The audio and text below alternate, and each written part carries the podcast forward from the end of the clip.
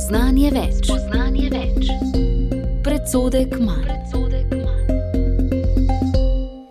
Drage poslušalke in dragi poslušalci, dober dan. Z nami je urednik, pisatelj, duhovnik, magistr Branko Cestnik. Dober dan. In spet bomo govorili o aktualnostih z področja cerkve in družbe. Začeli bomo z dobro novico. Je lahko, Pater Branko, dobra novica tudi sneg? Uh, koliko veselja in radosti je bilo v otroških očeh v teh dneh po celi Sloveniji, je sneg vsekakor dobra novica. Krasno. Ne vas... samo otroci, tudi starejši ljudje so postali otroci, ko so ga videli in, in že spomini na, na sneg nekoč ne, so dobra novica. Vi ste ga kar dobro namerili, sem videl. Ja, pri nas ga je bilo v, v dolini 25, nekje gori, v višjih vaseh pa 30, gori še više, pa 40 na, pri zadnjih kmetijah. Tako sneg je navdušujoč. No. Tudi ljudi, ki prihajajo, ljudje, ki prihajajo z vzhoda. Ravno danes sem imel profesorja iz Harkova na obisku, ki je pri nas begunec, profesor eh, torej aeronautike. Eh, specialist za raketne motorje in za plazmo motorje, ki jih namontirajo na satelite, to pri nas takih specialistov sploh ni. In kaj je, eh, prišel je po neko stvar, ki smo ga pustili, pustili smo v župnišču, neko stvar, In je prišel po njo, potem pa stopil noter, sem ga povabil in mi je recitiral Puškina o snegu in zimi. Eno pesem iz Puškina v ruščini. Mi je zrecitiral kar sredi kuhne, ne? E, vesel, da ima sneg, da je. Pa prihaja iz severnih dežel, tako rekoč iz Harkova, no, torej, eh, kjer je normalno, da je sneg in da so hude zime. Ne. Ampak je to ta, ta, ta belina, to menjava, eh, menjava časa, časov oziroma sezon, ne, eh, čas, ki gre naprej in čas, ki je takšen, kot mora biti, torej zima, mora biti ledena, bela. Ne, človeka nagovori še vedno. Pa tudi zima, če je zima, je povezana s snegom, vsaj v našem razmišljanju. Ne? In um, v tem so živele generacije naših prednikov. In mi smo pravzaprav na nek način malce prikrajšani ne, za te ljudi. Ja, torej, kot otroci, ne, en prvih spominov je bil na prvi sneg. Mali otrok sem bil in sem, ko je bil en visoki sneg, vem, da smo delali, mi smo rekli, temu tir ali pa gas, ne, čez dvorišče do, do hleva. In da nisem videl, tako visok je bil, da nisem z glavo videl čez. Nekih 80-90 cm je zapadlo takrat na Dravskem polju. Ampak to je meni ostalo, takrat sem bil star moče 4 leta. Ne? Eh, ampak to je zelo zgodni spomin, kako sem hodil in tako malo skakal, da sem videl čez sneg. Eh, torej, eh, ja, to je povezano, ne? to so naša doživetja, to smo mi, to je naša, bi rekel, tudi duhovna identiteta, ne? že sam božič, recimo, kako ga pojmujemo snežnega, ne? praznik snega ali pa v snegu in kako pogrešamo, če snega ni. Ja, tudi tako malce, kako bi rekel, zgolj navadne, ne, tako običajne eh, novice, kot je sneg, so lahko dobre novice. In to sem vesel, da lahko tudi kaj takega izpostaviva. No, mi dva imamo sicer za dobro novico izpostavljeno danes še eh, udejstvovanje tako imenovanih popularnih duhovnikov. Ne? In sicer je bil pred kratkim tu pri nas misionar Peter Opeka in je bilo, kako ne rečem, ja. Slovenija, ki se težko zgane, ne, se je zganila. Ne. Vem, da imamo mi objavljeno na spletni strani eh, to eh, pričevanje, ki ga je imel Preski, nagovor ljudem, pogovor z našim Juretom in tako naprej. To je eden izmed najbolj gledanih videov, ki smo jih pač eh, objavili. Ne? Tudi glede na dolžino, ne? koliko dolgo so ljudje zdržali, vse to se seveda lahko zabeleži, ne? kaj to pove. Ne? Potem imamo seveda Martina Goloba, ne? ki je pisec najbolj. Knjige, ki je šla v največ, največji nakladi v lanskem letu, sicer ni bil dovolj dober, da bi ga recimo vzeli v Frankfurt na, na knjižni sejem, ne? ampak vendarle ne, ima pa ta rekord in zdaj vem, da računajo založbe. Kaj se je moglo zgoditi, da je lahko en fenomen sprižnice prišel do tako velike naklade? Potem imamo tukaj še Patra Gržana, pa vas, konec koncev, uh, Branko Cestnik. Kaj torej ta fenomen popularnih, širše popularnih duhovnikov, po vašem mnenju, pomeni? Ja, torej, um, zdaj, recimo, zlasti to, kar smo videli meseca decembra z Pedrom Opeko v Sloveniji. Kot je nekdo zadnjič dejal, to se je zgodil en nenapovedan ljudski misijon, ne?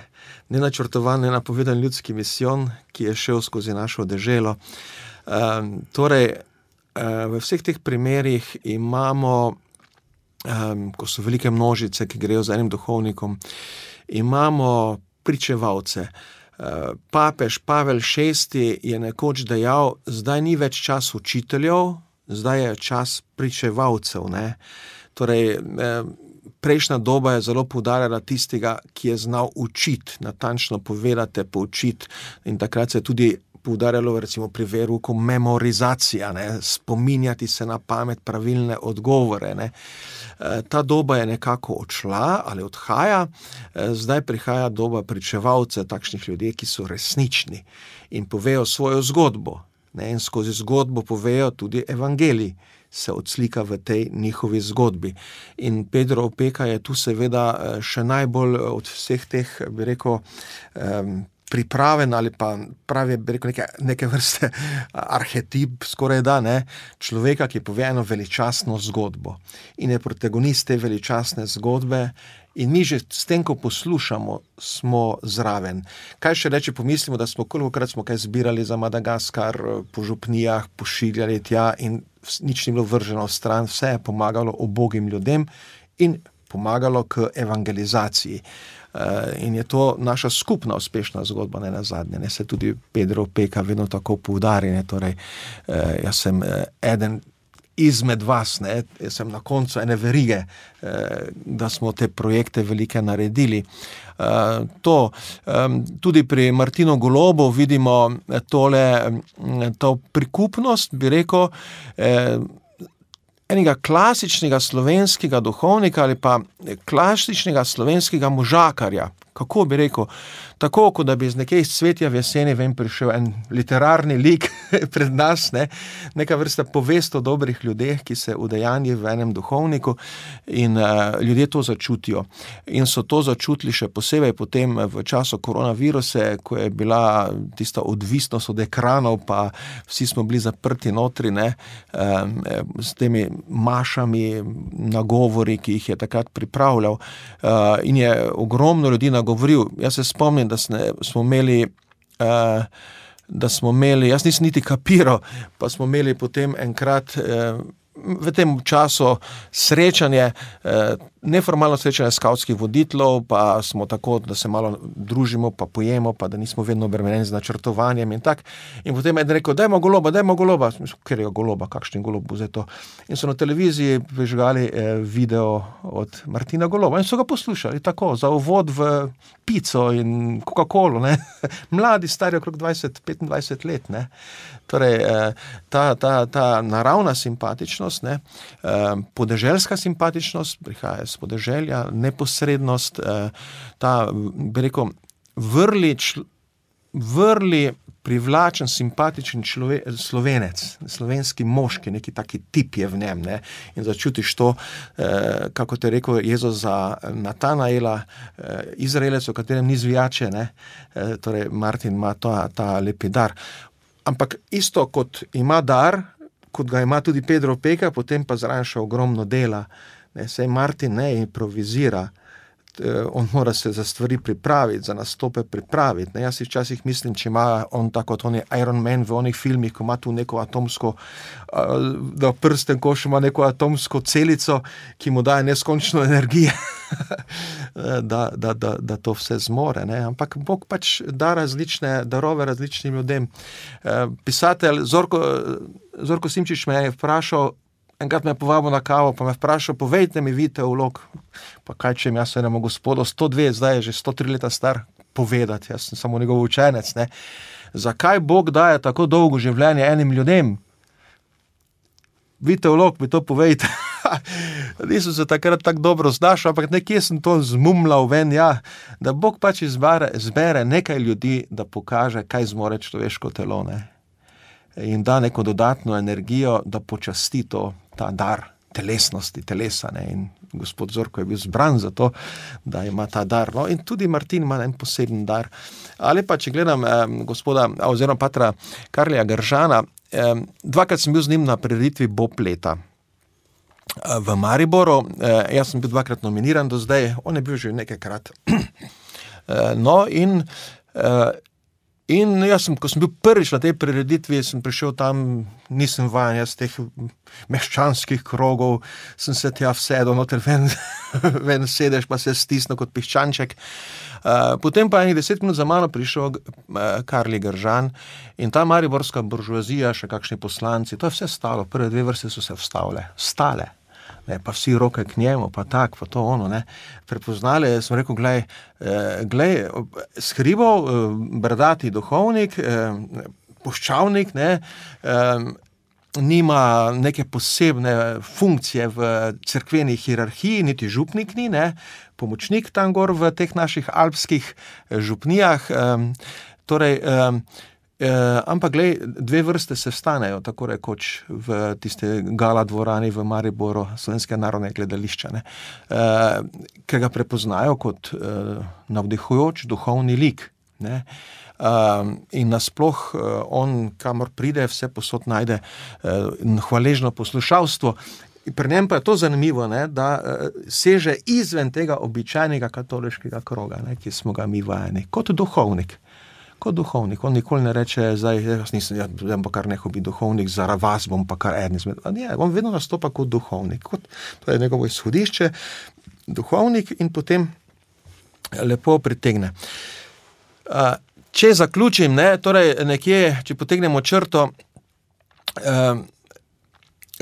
Tako je Pavel VI rekel, čas je za pričevalce, Eh, tako tudi ljudstvo išče pričevalce in se srečajo. Eni, ki znajo pričevati, ki imajo ta dar pričevanja, duhovniki, ki so poleg tega še potem eh, vendarle tisočletni lik v slovenski podzavesti. Ne? Duhovnik je vendarle če tudi je grešen, šibek, pa naredil marsikaj narobe, ta naš slovenski duhovnik skozi zgodovino, ampak eh, pri torej 95-90% izkušnje duhovnika pa je eh, dobra izkušnja. Že to, da je lepo upravil pogreb, pa si v miru in lepo pokopal svojo staro mamo, ti je ostalo in si hvaležen duhovniku, da je to naredil. Ne. Torej, tak duhovništvo in pričevanje in ljudje, ki to nimajo zadržkov, ne, in to je lepo znamenje. Eh, da situacija tudi ni tako obupna, kot včasih rečemo, duhovniki, zdaj, ko smo bili lani razglaseni za družbeno nekoristne, ne? smo se počutili malo tako politi z mrzlo vodo, eh, ko so nas pač te oblasti nekako tako degradirale, ne? Eh, plus še cufnile nam neki denar, ki smo ga prej dobili, zdaj pa več ne, ne? za našo socialno zavarovanje. Ne? Ampak, glej, mimo teh oblasti, one so tako neke mimo idočega, danes so, jutri jih več ni. Ne? Torej, uh, je človek, ki išče stik z duhovnikom. In je hvaležen, če je duhovnik na mestu in če ima to karizmo. Spominjam se enega pogovora z zgodovinarjem dr. Alešom Maurom, govorila sva o štajerskih duhovnikih. In je rekel, da je pravzaprav tako, kot na primorskem najdemo te čedarmace, ne? pa lahko štajerskim duhovnikom recimo um, pripišemo to, da imajo veliko, veliko vlogo pri tem, da smo Slovenci na štajerskem končali v Sloveniji. Zato, ker moramo vedeti, da do prve svetovne vojne so tam usporedno živeli tako Slovenci kot Nemci. Ampak zanimivo je, duhovni poklici, ki so zrasli izmed ljudi, pa so bili skoraj da izključno samo slovenski. Se pravi, duhovniki iz ljudstva so bili slovenci. Pravzaprav je rekel, da ne ve, če je dva ali tri, da so bili iz nemških družin, da so odšli. In ti slovenci so potem, recimo na Štajerskem, govorili slovensko, uh, učili slovensko, in zaradi tega so se ljudje potem tudi odločili za slovenstvo. Tako je, no, štajerski duhovnik je res eh, nekaj posebnega. Ne? Tudi Rudolf Meister je rekel, da mora dograditi, dokončati delo, ki ga je začel Lavantinski kler. torej, ta severna meja, to je slomškovo delo, začeto, on je prvi jo narisal eh, in kler Lavantinski potem to eh, mejo branil desetletja pred majstrom, branil svojim kulturnim delom, duhovnim delom. In veliko zavestjo. Ne. Jaz sem ravno zdaj, ko sem preučeval to obdobje za potrebe enega simpozija na, na Kidričevem o Mateju Slekovcu, eh, takem našem štajerskem zgodovinarju in duhovniku, ki sicer ni naredil nekih velikih monografij, ampak je ogromno teh malih kronik naredil za župnije. Ne. In sem naletel pri njem tudi na eno pesem, ki je leta 1813 eh, en duhovnik, 1813, to se pravi, eh, preširjen je bil star 13 let. ne, ki je en duhovnik napisal drugemu duhovniku, novo mašniku, oba sta pa z okolice Ptuja. Uh, in uh, polovica pesmi je namenjena temu, že 1813, pravi. Polovica pesmi je namenjena k temu, da ta on kot duhovnik mora braniti svoj rod. In kdor pozabi svoj rod, naj ga pes za plotom je, je napisal v en vers. Ne? Naj ga pes za plotom, pes, moram povedati po slovensko. Razumemo tudi pes. ja, pes za plotom pojene. Torej, in, um, tako, tako hitro so duhovniki na Štarskem imeli to narodno zavest, tudi tisti, ki so imeli nemške prijimke. Ne. Recimo, um, znan je ta prizor, mi ga imamo zapisanega v kroniki, potem pa je bil še popisan tudi v, uh, v uh, družinski pratiki ali mohorjevi. Uh, torej, v 80-ih je bilo to popisano, oziroma začetku 90-ih. Eh, Himmler, ki je aretiral dva štajerska duhovnika, to je bilo 18. aprila, eh, par dni preden je. Preden je Torej, en teden preden je Hitler prišel v Maribor, je bil Himmler tukaj na Štajerskem in si je ogledal Maribor, eh, celje. Lasbacher je bil, ne? Ja, in je potem aretiral frankolovskega župnika Sunčiča, Aloj Sunčič iz Lutomera, pač Sunčič, slovanski prijemek. Ni, kar z ceste ga pobral, ker Sunčič ni dvignil pozdrava hitlerskega, oziroma pravijo, da je gledal v Koniško goro na mesto na cesto, ki je šel mimo sprevod nacistov ne, v, v avtih. Eh, potem pa je posadil Himmler, posadil Sunčiča v svoj avto in sta se od Frankolovega do vojnika pelala skupaj. In Sunčič sploh ni se zavedal, da je retiran, je mislil, da ga so vzeli za prevajanje. In potem pride ta vojnik in Himmler mu reče: Uh, koliko crkva je tu? Uh, kdo je tu župnik? Pa reče Sunčič, Lasbacher, pa reče Himmler, uh, nemški primek. To pa nemški primek. Pa reče Sunčič, ne, ne, on je slovenec. Iz tega je obsodil še Lasbacherja, tako da takrat je šla glavna cesta skozi vojnik mimo Faroža. Ne? Pa mimo cerkve, zdaj gre malo bolj stran, no, eh, bliže hodini. Torej, in je Sunčič, eh, Henry Himmler, eh, Reichsführer SS, ne, je, je rekel, zdaj pa halt. In so šli v Faroš, v vojnik, in v Farožu še ratirali Lasbacherja, vojniškega župnika. E, torej, tudi, tudi ne, ta, ta, ta primer v bistvu ja, potrjuje to, kar, to, kar, kar potrjujemo. Ne, in ta velika vloga duhovnikov. In, in tega, tega zdaj, sicer imamo zdaj kakšne ljudi, ki to poskušajo omaloževati, zbrisati, že recimo že v primeru Prešerna in Slomška. Ne. E, Slomška, kakor da ni, ne, kot da ni obstajal, e, Prešern pa kakor da je ne vem. Ne, Sam postavil ja, nekaj Slovenijo, ko je izmislil, kot da bi se on zdaj izmislil slovenski jezik, skoraj da ne. Pravi kult, ne, iz njega naredil, pa imamo vsi radi prešerno, veš, da ga imamo, smo se ga učili na pamet in še zdaj ga radi beremo. Ampak tako, ne, torej slovenski duhovniki so naredili veliko in to ljudje vedno čutijo, ne, tudi tako iz tega eh, hvaležnosti za nazaj, ne, sej, sej. Prav je, da smo tole povedali tudi zaradi tega, ker se bliža 8. februar, praznik slovenske kulture in slovenska kultura je tako slomšek kot preširen, tako se je treba zavedati. Dobro, pustiva zdaj uh, to dobro novico, ki smo jo zapeljali, zelo zanimivo in tak slalom. Pa greva zdaj k aktualni družbeni situaciji in vas vprašam takole. Kaj imajo skupnega duhovnik, kmet in zdravnik? da gredo tej oblasti tako na živce. Ja, zdaj se je še zdravnik priključil. Za tem mikrofonom smo že govorili o duhovniku in kmetu. Eh, lani sta nekako na isti dan, eh, ko je bilo um, sprejeta zakon, um, torej na isti dan so oškodovali nekako ali zagrozili kmeto, obenem pa oškodovali duhovnika. In isti dan so pa ukinili tudi kazni za svoje kolesarje, ne svoje kolesarje, treba reči, ker ta povezava je zelo očitna in jasna. Ne. Torej, in, in že takrat smo rekli, ne, kako kmet in duhovnik sta neka, taka, kot smo zdaj že rekli, ne, duhovnik, arhetipski lik, ampak tudi kmet, ne, slovenski kmet. Ne. Mi nismo imeli meščanstva, mi smo imeli kmeta. In, no, imeli smo tudi meščanstvo. Tudi, ja, ampak se. tako, recimo, podež, bolj kot ne podeželski narod. Ne. In, je, in, je, uh, in zdaj, se, zdaj vidimo, da se je k tema dvema priključil zdravnik. Ne, in sej, spet je tisto. Jaz nisem zdaj strokovnjak za zdravstvo, za vse te plačilne razrede in to ne.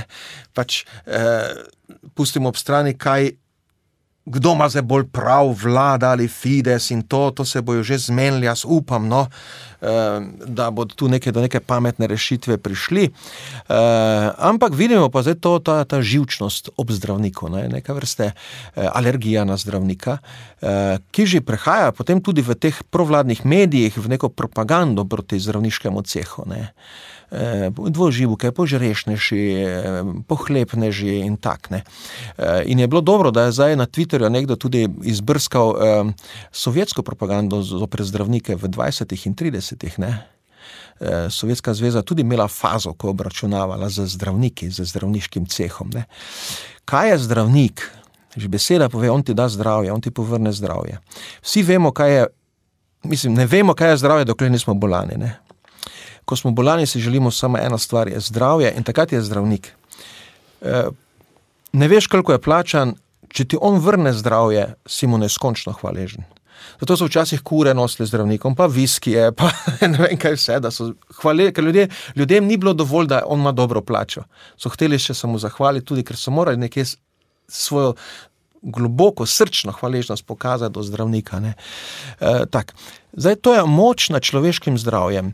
E, Foucault je napisal, je analiziral družbo, sicer marksist, ne francoski, e, analiziral družbo iz vidika ravno tega, kako Eh, nekje tu, od razsvetljenstva naprej, politika obvladuje ljudi preko zdravstva, preko higiene. On je to imenoval biopolitika oziroma biooblast. E, politika ti reče: toliko pa toliko davkov bomo ti pobrali, dobil boš pa doktora za ston ali pa ti bo pristopen. Pa cepiti se boš mogel, ko bomo mi rekli, pa tako, tako higieno boš moral peljati. Ne? In potem ljudje svoje zdravje prepustijo počasi politiki. Ne, to, to, ja, in, in potem politika ima še večjo moč nad njimi. Ne, nekaj, se oblast oblikuje potem skozi te eh, zdravstvene, eh, bi rekel, sisteme, ali pa strah skozi ta ljudski strah za zdravje, bo ne bo, pa ti oblast reče: Bo, gledaj, imamo mi sistem, imamo mi zdravstveni sistem, mi te bomo rešili, mi ti bomo pomagali. In potem na mesto za zdravnikom, ne ti začneš eh, kot dajalca zdravja identificirati oblast. Zato je pri nas vse povezano z državo. Ja, država to... mora urediti, država ja. mora skleniti pogodbo, in, država mora. In, in da, da ti na koncu eh, boš tudi v srcu čutil hvaležnost, predvsem do države. Ne? Vidite, ne? In tu je zdravnik potem moteč. E, ti tvoj osebni odnos do zdravnika lahko moteč za državo, ki ni zdrava v svojih intencijah, v svojih namenih, ki hoče celo oblast. Ne? Je zdravnik preveč svoboden ali pa lik, ki ima tudi neko znanje, ki ga potem ne moreš ne vem, politično ti določiti, ti lahko politično premeščaš birokrate. Ne moreš pa zdravnikov, tu pa strogo znanje je pomembno. Ne? Torej, ima neko tisto samostojnost. In to samostojnost zdravniki so pokazali na mnogo načinov. Jaz se spomnim, ko sem bil najstnik, se je govorilo tam v 80-ih, veste kaj? V kliničnem centru so pa zdravniki jaslice postavili. Ne, se pravi, ko še ni bilo tistega božiča, je bil prepovedan, so pa zdravniki že bili tega sposobni.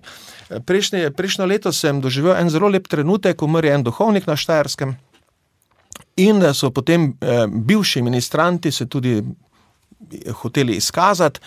No, in so tisti malo večji, bivši ministranti, zdaj stari med 40 in 50, ne, štirje se zbrali, eh, da so ministrirali na Čkofo eh, Cviklu pri pogrebu tega duhovnika. In od teh eh, štirih so bili trije zdravniki. In ljudje so videli tri zdravnike ministrirati na Čkofo pri pogrebu. Pa en kardiolog, en to, eno ono. Ne? Torej, uh, in potem sem jaz to gledal, to je lep, lep prizor. Zlasti, če veš, zakaj se gre, ne? da so hvaležni duhovniku, ker je bil njihov duhovnik, ko so ne bili ministranti in tako imajo lepe spomine na ministranstvo in tako. Obenem pa tudi pričevanje. Ne? Ampak jaz sem si potem mislil, a bi mogoče trije komandiri policijskih postaj ministrirali. A bi mogoče trije ne vem, voditelji upravnih enot, direktorji upravnih enot ali pa občinskih uprav ministrirali. E, a imajo toliko svobode, če tudi so kristijani? Ne? Očitno zdravnik jo ima, ne? ima neko tisto samostojnost in svobodo, ki mu daje njegovo znanje in njegovo to posebno posvečujoče delo nekako za zdravje človeka. Ne? In uh, jaz mislim, no, da tudi zdaj ta situacija, ko je, ker vidimo, kako ta oblast deluje, ne? zbira si ene skupine, ki štrlijo ven. Skupine, ki izražajo neko hrbteničnost, duhovnik, kmet, zdaj še pa zdravnik. Ne? In zdaj pa eh, oblast, ki pa hoče biti totalna, pa ne prenaša, da nekdo štrli. In ona potem začne kosilnica rezati, rezati, tiščati dol, tiščati dol. Ne? Da sem samo jaz, ne?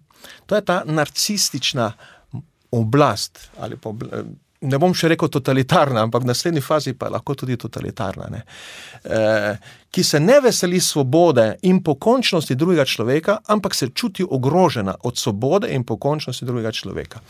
Svobodni ljudje gredo na živce. Svobodni ljudje gredo na živce. Ja. Totalitarni oblasti. E, to je tako, tu, tu nekje smo zdaj. Ne? E, drugo se je nekako, vidimo, novinarstvo si je že kar precej podredila. E, tako da dejansko že skoraj več. E, Mislim, vse so ti utoki svobode, tudi v medijih, veš, da so še vedno, ampak eh, večinoma pa vidimo, da vladna politika narekuje novinarstvo, eh, določeno poročanje, kar, kar precej usklajeno, neka sinhronizacija, že veš čas zdaj. Ampak eh, so pa poklici, kjer pa ni tako lahko. Zdaj, pri kmetih smo videli, so krave morali vrniti. Ne? Gospodu Možgano, doli na, na Dolensko, oziroma v Krško območje, so pripeljali krave nazaj. In se je pokazalo, da je to bilo res ena eh, politična, aktivistična vihravost in neumnost, če ne celo zloba. In 17 evrov po kravi na dan smo plačevali, davkoplačevalci. Ja, da so, da so jih zdrževali in pripeljali nazaj. Res bolane, zgleda nekatere ne, in poškodovane in umazane, torej katastrofa in sramota. Ne. E, in to so stvari, za katere bo, upam, da bo nekdo mogel tudi odgovarjati, tudi politično, ne, ker to ni, to ni bilo normalno, no, kar so bomo takrat naredili. Vse tukaj smo bili za tem mikrofonom že takrat kritični, ne, zdaj se pa to tudi pokazalo, da so ti bile. Poleg, to. Bilo je nesorazmerno, ne, se ja, pravi. Ja, ja. ja verjetno že takrat smo rekli, da razmere res niso bile take, kot bi morale biti. Ampak je treba upoštevati neke razmere ne, in najprej opozoriti. Najprej predpisati, ja. kaj je potrebno spremeniti, če ne, potem pa, če se ne uredi, potem se pa lahko oduzame. Recimo, ja, naredi, eh, po drugi strani pa so verjetno naredili temu rečemo štih proba ali test.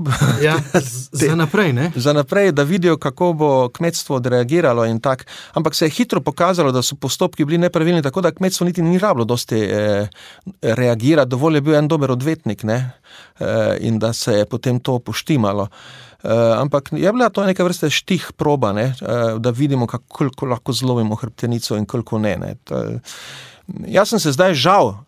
Prvič, prvič se mi dogaja kot državljanu Republike Slovenije, da nekako sistematsko ne zaupam oblasti. Prej sem vedno še gojil neko zaupanje, je bila leva ali desna, to mi ni bilo tako pomembno neko zaupanje mi je vlivala, ne? priznal sem njeno demokratičnost, njeno legitimnost, eh, zdaj pa se mi prvič dogaja, da to oblast čutim kot um, um, čudno. Um, kot nek, neko, neko, nekaj, ki nekje preži in čaka na priložnost, da te, da te vem, prestraši, da te, da, ti, da te podredi sama sebi. In, e, ni to mi najbolj prijetno kot državljano Republike Slovenije. In mi moramo vse preverjati, ne? nič, kar se pove, ne moreš e, vzeti kot zdaj, zdaj, zdaj, zdaj, so izmislili, eh, zdaj so si sami izmislili svoje oddaje, oziroma te podcaste, ne? da bodo zdaj oni to delali. Eh, torej, en z ene pisarne vladne prije v drugo pisarno in tam potem dva politika sprašuje, ne? ampak vsi so pa tam službe. To je, to, je, to, je že, to je že ponižanje za novinarstvo in za medijsko krajino in eh, ponižanje za človeka, da ljudje to še sploh prenašamo. Ne? Ampak ravno danes sem bral eno misel od Dietricha, misel od Dietricha Brnheferja, ki mi je dala, me, malo mi je sapo vzela. To je ta eh, največji teolog prejšnjega stoletja, med največjimi. Eh, Benedikt XVI. nima težav reči, da je on en izmed dveh, ki ga je oblikoval. Dietrich Brnhefer je bil protestant, protestantski pastor, eh, mladinski delavec, izjemen pisec, premišljevalec in seveda upornik zoper nacizem, tako da ga nacisti so ga potem zaprli, so ga obtožili tudi nekaj sodelovanja pri zaroti in zoper Hitlerju in so ga potem ubili, na smrt obsodili in ubili med drugo svetovno vojno. Ampak leta 1943, ko je bil v zaporu, je reflektiral o nemškem narodu, ne, kaj se mu je zgodilo. In potem ima to refleksijo in reče, ni dovolj, da vidim vse kot problem zla in hudobije. Če hočem razumeti, kaj se je zgodilo z nemškim narodom, moram zraven dodati dejavnik neumnosti. Rekl je: Zlo in hudobijo lahko ustavim s protestom, zlo in hudobijo lahko razkrinkam, razgalim. E, medtem ko neumnosti ne morem, ne morem protestirati proti neumnosti, ne morem je razgaliti, ker neumnež pač ne ve. Ne? In pravi, ne, pač, da se je Nemcem tudi to zgodilo, neumnost. Oni so, poleg tega, da jih je nacizem obdelal ideološko in tako, pravzaprav jih je obdelal do ene točke, ne samo, da so bili sposobni nekih zlih dejanj, ne, ampak da so bili neumni. In on pravi, potem eh, rešitev iz neumnosti je, da, se, eh, da, se, eh, torej, da pride do osvoboditve, se pravi do nekega dejanja, ki te popolnoma poniža in te osvobodi da ti spregledaš. Eh, in pravi, ampak še poprej pa mora biti objektivna osvoboditev, se pravi, politični in vojaški, če bi prevedel naprej, tega on ni napisal, ker je pisal v zaporu, kjer so mu kontrolirali pisanje. Ne? Tako da on to piše na filozofski ravni. Tako. Ampak če prevedem, eh, mora biti zlom nacizma, politični in vojaški, da bomo lahko ljudi spet naučili normalno razmišljati in uporabljati svojo pamet ker zdaj je ta faktor neumnosti enako močan kot faktor zla. E, tako razmišlja Dietrich Bonhoeffer. No, in seveda zdaj tudi v naših teh razmerah, ki smo, e, za, lahko začnemo tudi razmišljati, žal, v tej smeri. E, zavedenost in tudi neumnost. Ne? E, a še kdo reflektira, a še kdo potegne sklep. E, premisa ena, premisa dva, e, ne, sklep neko logično razmišljanje. A še preverjajo podatke, a še preverjajo, kaj televizija reče. En dober vid skroži na spletu, ne? mož in žena gledate televizijo in potem eh, reče žena, eh, ko gledate televizijo, a ti misliš, da manipulirajo z nama? Mož pa je reče, ne, ne, draga, če bi bilo tako daleč, bi nam po televiziji povedali. Ampak zdaj nekje smo v tej fazi, tudi v slovenskem prostoru se nam lahko zgodi, ne, da bodo ljudje nekako otopeli za ostro umnost, za opazovanje stvarnosti, eh, logično sklepanje. Ne. Drage poslušalke in dragi poslušalci, spremljate oddajo spoznanje več predsodek manj, z nami je urednik, pisatelj, duhovnik, magistr Branko Cestnik. In uh, oddaja poteka v živo, seveda smo veseli vaših mnen, vaših vprašanj, skratka, kakšne zadeve, ki jo lahko tudi sami prispevate. Nič ena, 512, 10, nič nič je naša telefonska številka. Eh, Mi dva pa greva kar naprej, eh, bova kar nadaljevala s tem nezaupanjem do oblasti. Se mi pravzaprav zdi prav zanimivo. Um, Zapisali ste, da bohotenje korupcije uničuje našo demokracijo od znotraj in kaj moramo storiti. Pa mi takoj pride na misel zdaj najnovejša afera z nakupom pravosodne palače, ki smo jo davkoplačevalci očitno najmanj za še enkrat preplačali. Medtem je tudi zrasla, ne? prodajala se je po eni kvadraturi, prodali so jo po drugi kvadraturi. In pravosodna ministrica eh, benevolentno izrazi, da ona pač ne bo odstopila, ker so jo pač uh, zavajali in ona ne bo nosila uh, metra s seboj in preverjala teh. In sprejela metra. odgovornosti za svoj podpis. Ne? Nastradal je en moj sofaran. Uh, Gospod Uroš, ki je bil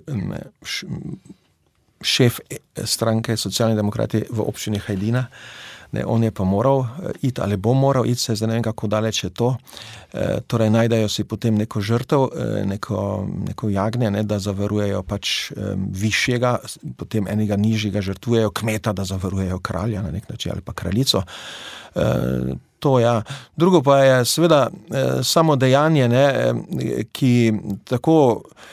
Jaz nisem zbiral ogromno informacij o teh dogodkih, sem pa zadnjič gledal tarčo, prav z namenom, ne, da vidim, kaj se dogaja. Nimam televizije, sem pa gledal po računalniku. Torej, sem gledal tarčo in sem gledal, da so imeli prav na licu mesta, ne, tam lepo, pa kar ostro so zastavili stvari. Ampak tisto me je res uh, tako dalo prepričalo, da gre še za enega izmed mnogih dogovorjenih poslov, ki pa je potem bruhnil v javnost, pa mogoče ne bi smel. Ne in da je tu nekaj ljudi bilo že vnaprej zmenjeno, eh, kako speljati, kdo bo kaj dobo, kdo bo kaj naredil.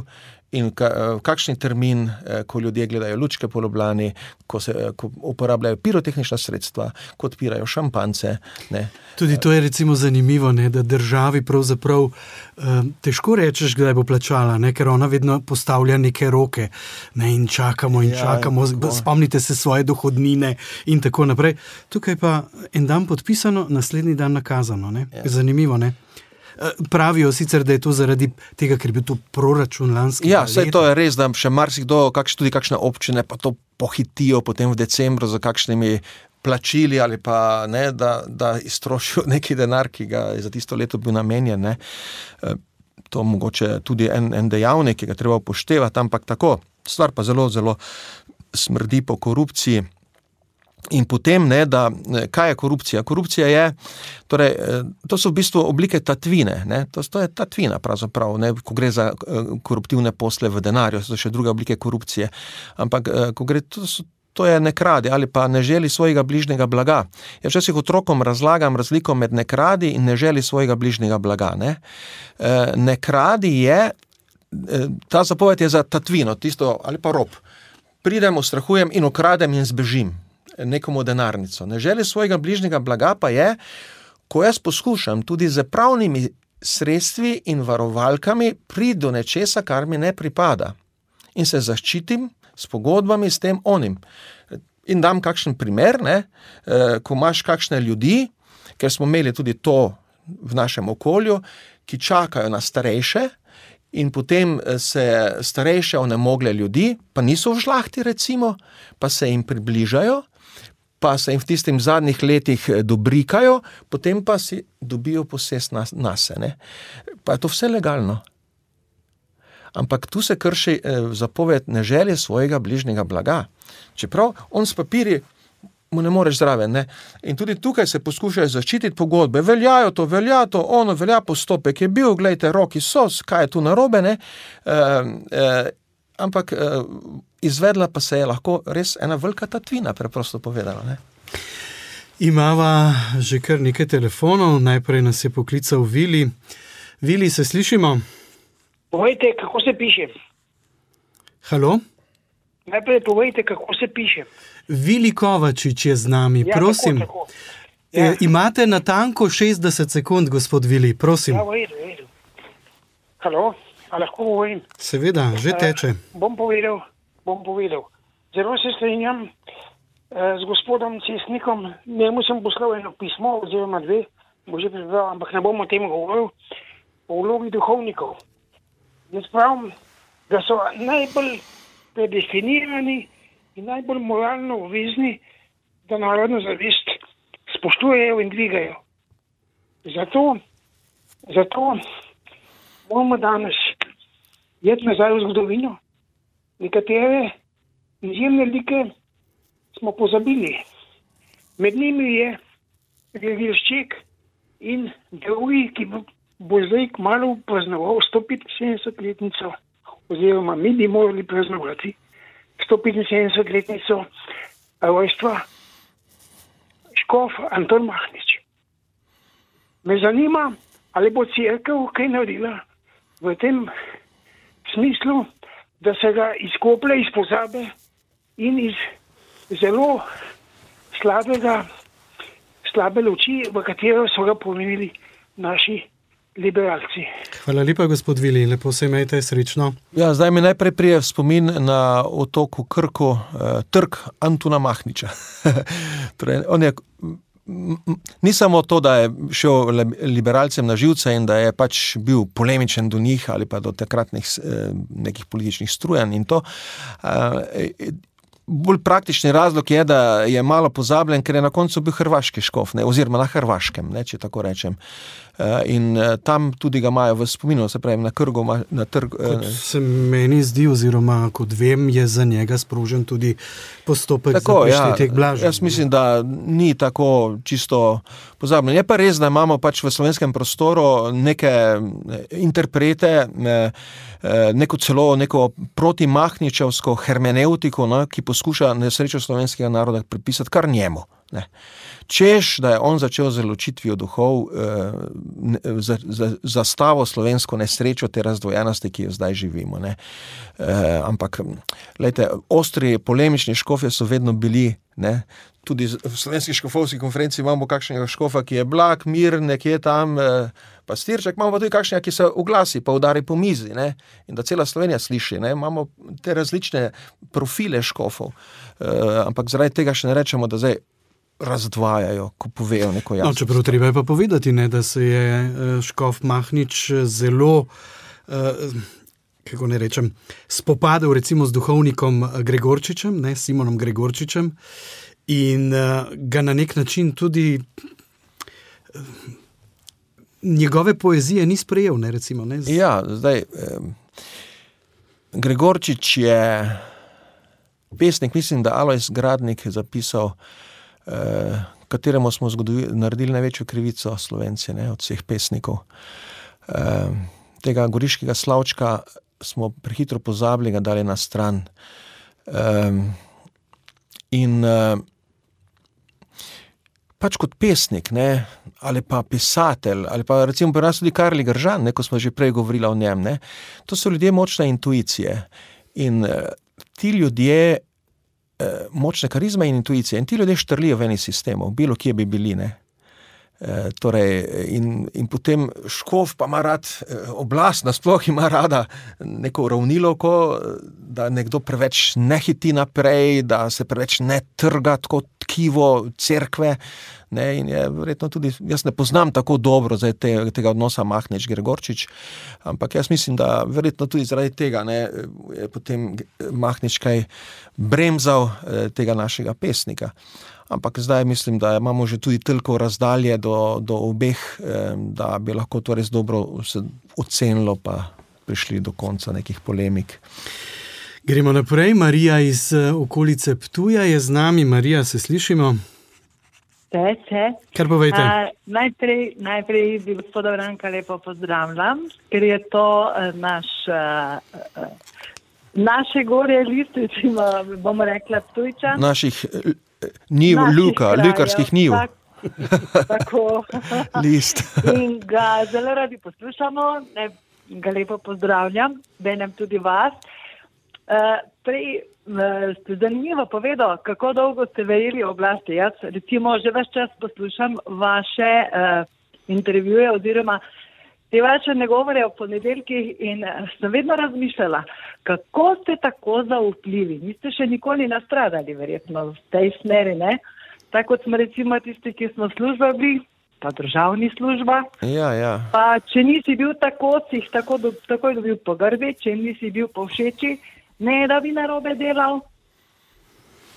Uh, še največja krivica pa se mi zdi zdaj, ko sem jaz zgodila, nedavno sem zgubila moža in je bil v slovenski vojski. 91. leta je bil uh, na mejah oziroma kjerkoli je bilo potrebno, ker je bil rezervist policije In so jim tako lepo povedali, ja, zdaj ste vi z nami šest mesecev, uh, borci za severno mejo, uh, vas bomo vsaj za ston pokopali.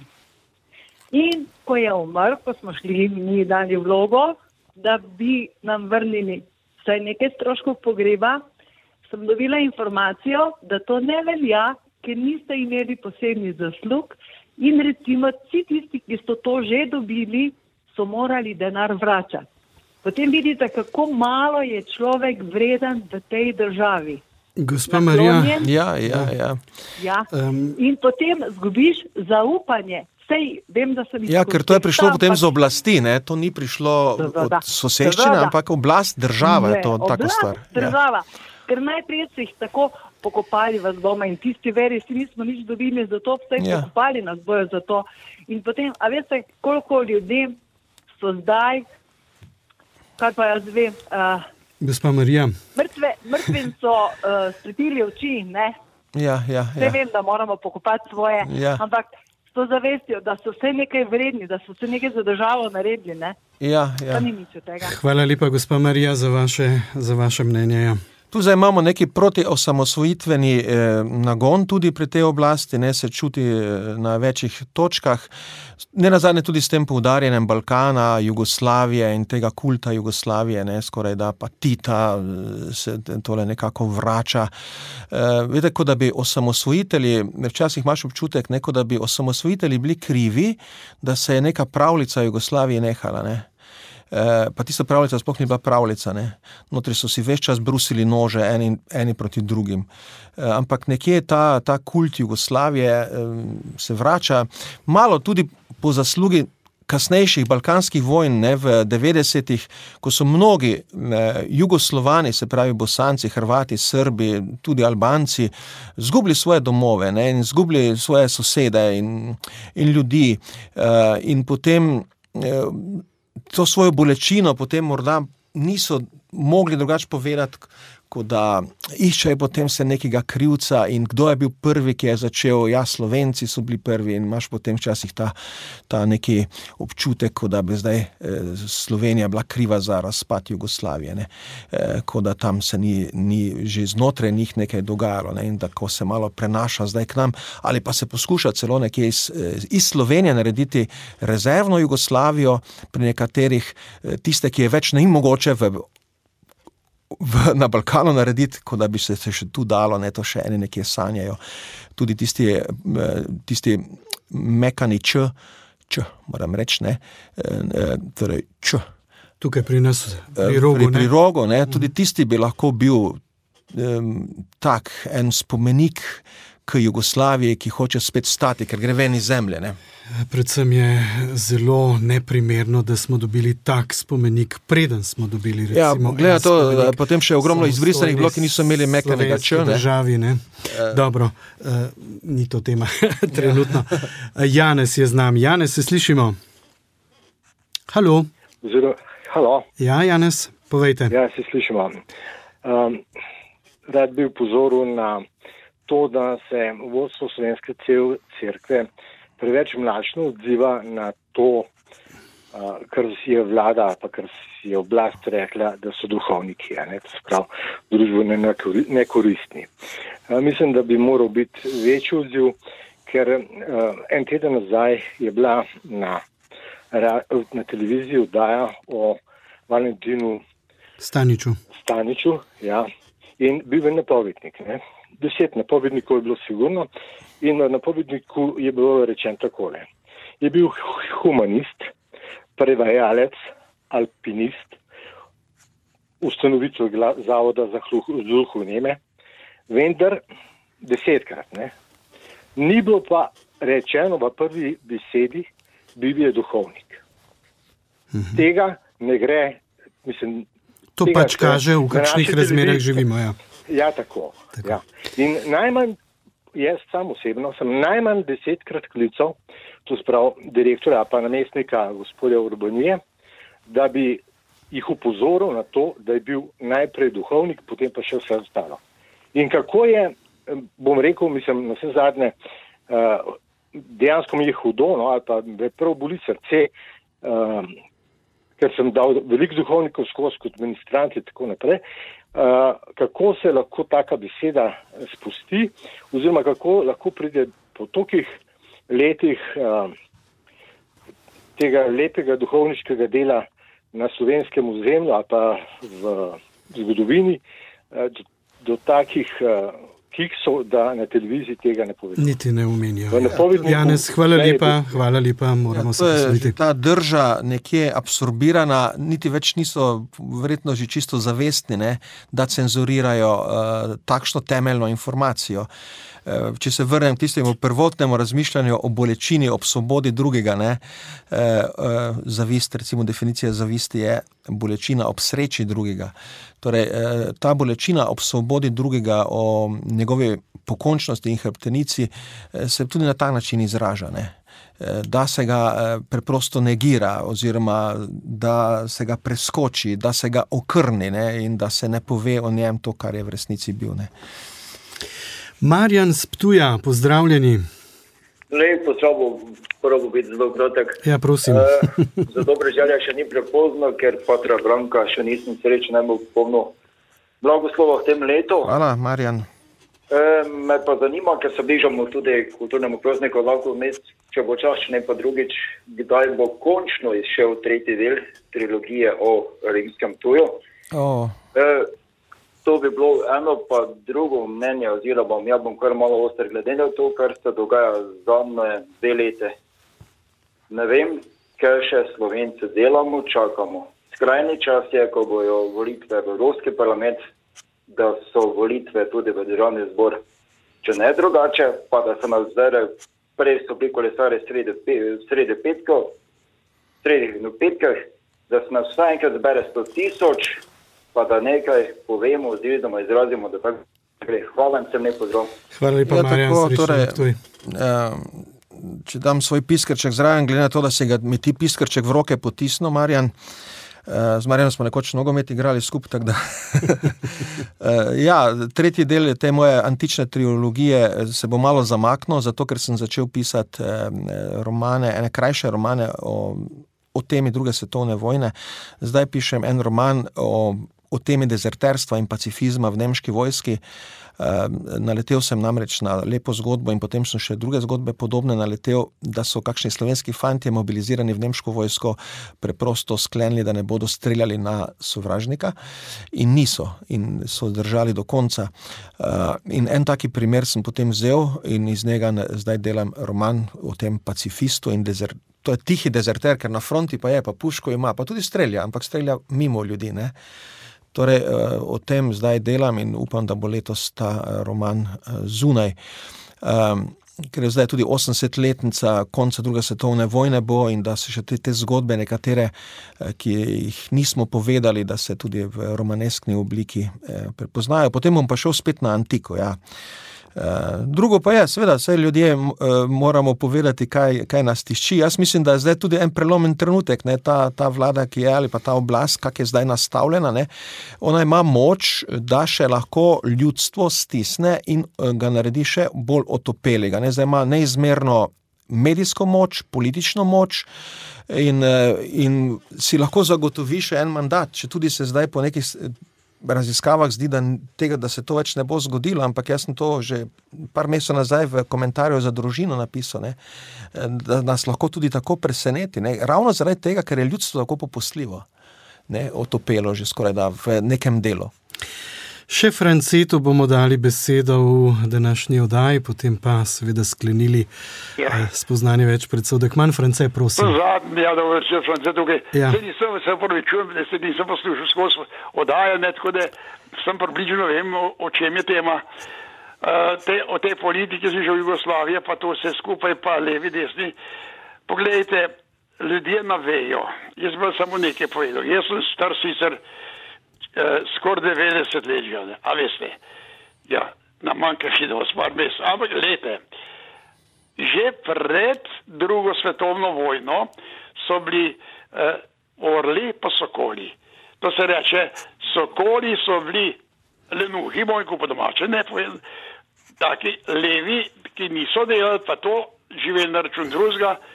Uh, orli so bili pa Eni so bili lepi. Verni po vse to in so se zmeri, to je že med vojno bilo. Potem je bila vojna, po vojni pravi, da hočem to povedati, ker pravi, zdaj smo razdvojeni. Mi smo razdvojeni, skozi smo šli. Jaz sem dol doma z dobrega pojma, mi, bi, mi smo imeli tam, pa nas je bila zibelka domobranstva, mi smo bili zgojeni tako.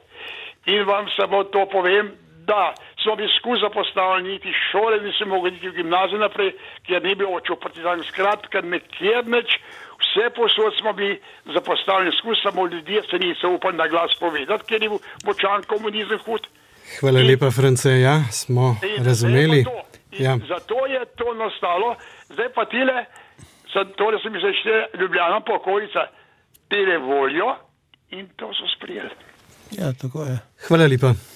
No, tako, sokoli in orli, eh, bi rekel, v nekih normalnih eh, razmerah bi to bila normalna slika družbe, ne? da imamo leve, desne, imamo no, različne stile življenja. Drži pa to, kar smo povedali že prej. Ne? Se pravi, razdeljenost slovenska je bistveno ima daljši ja, rok trajanja. Ja, prihaja z konca 19. stoletja. Od Trubarja naprej ja, lahko ja, no, govorimo o tem, da so se. So, ne, so bili ljudje ki so bili na eni strani, in so ja, bili oni, ki so bili na drugi. Ne? Gotovo je protestanti, protestantizem, nastop protestantizma takrat povzročil ta prvi večji razkol v narodovem telesu. Ne? Ampak če se narodovo telo niti ni tako oblikovalo, ni še se tako čutilo enotno, ne?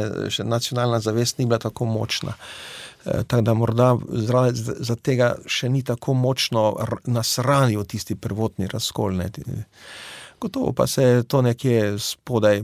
Vse tako je vedno, vsaka normalna družba ali pa ena vas ali pa eno večjo skupino ljudi se počasi oblikuje v dva ali tri jedra, ki imajo različne interese. Zato pa imamo demokracijo, zato pa imamo eh, dialog, kulturo dialoga, da to, da to uh, teče in da iz tega naredimo profit za vse, z tega, da smo si različni, da imamo različne interese, ne pa da ena skupina potem uporabi uh, vsa sredstva, da zatovče ostale in zavlada sama. Ne.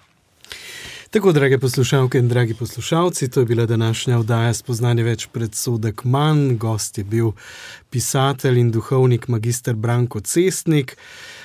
V mesecu februarju bova verjetno govorila tudi kaj o kulturi, čeprav seveda se kulturi nikoli ne moremo čisto izogniti, tudi danes se nismo. E, Hvala lepa za vaš obisk, našim poslušalcem pa seveda za sodelovanje. Srečno. Srečno. Spoznanje več. Spoznanje več. Predsodek manj.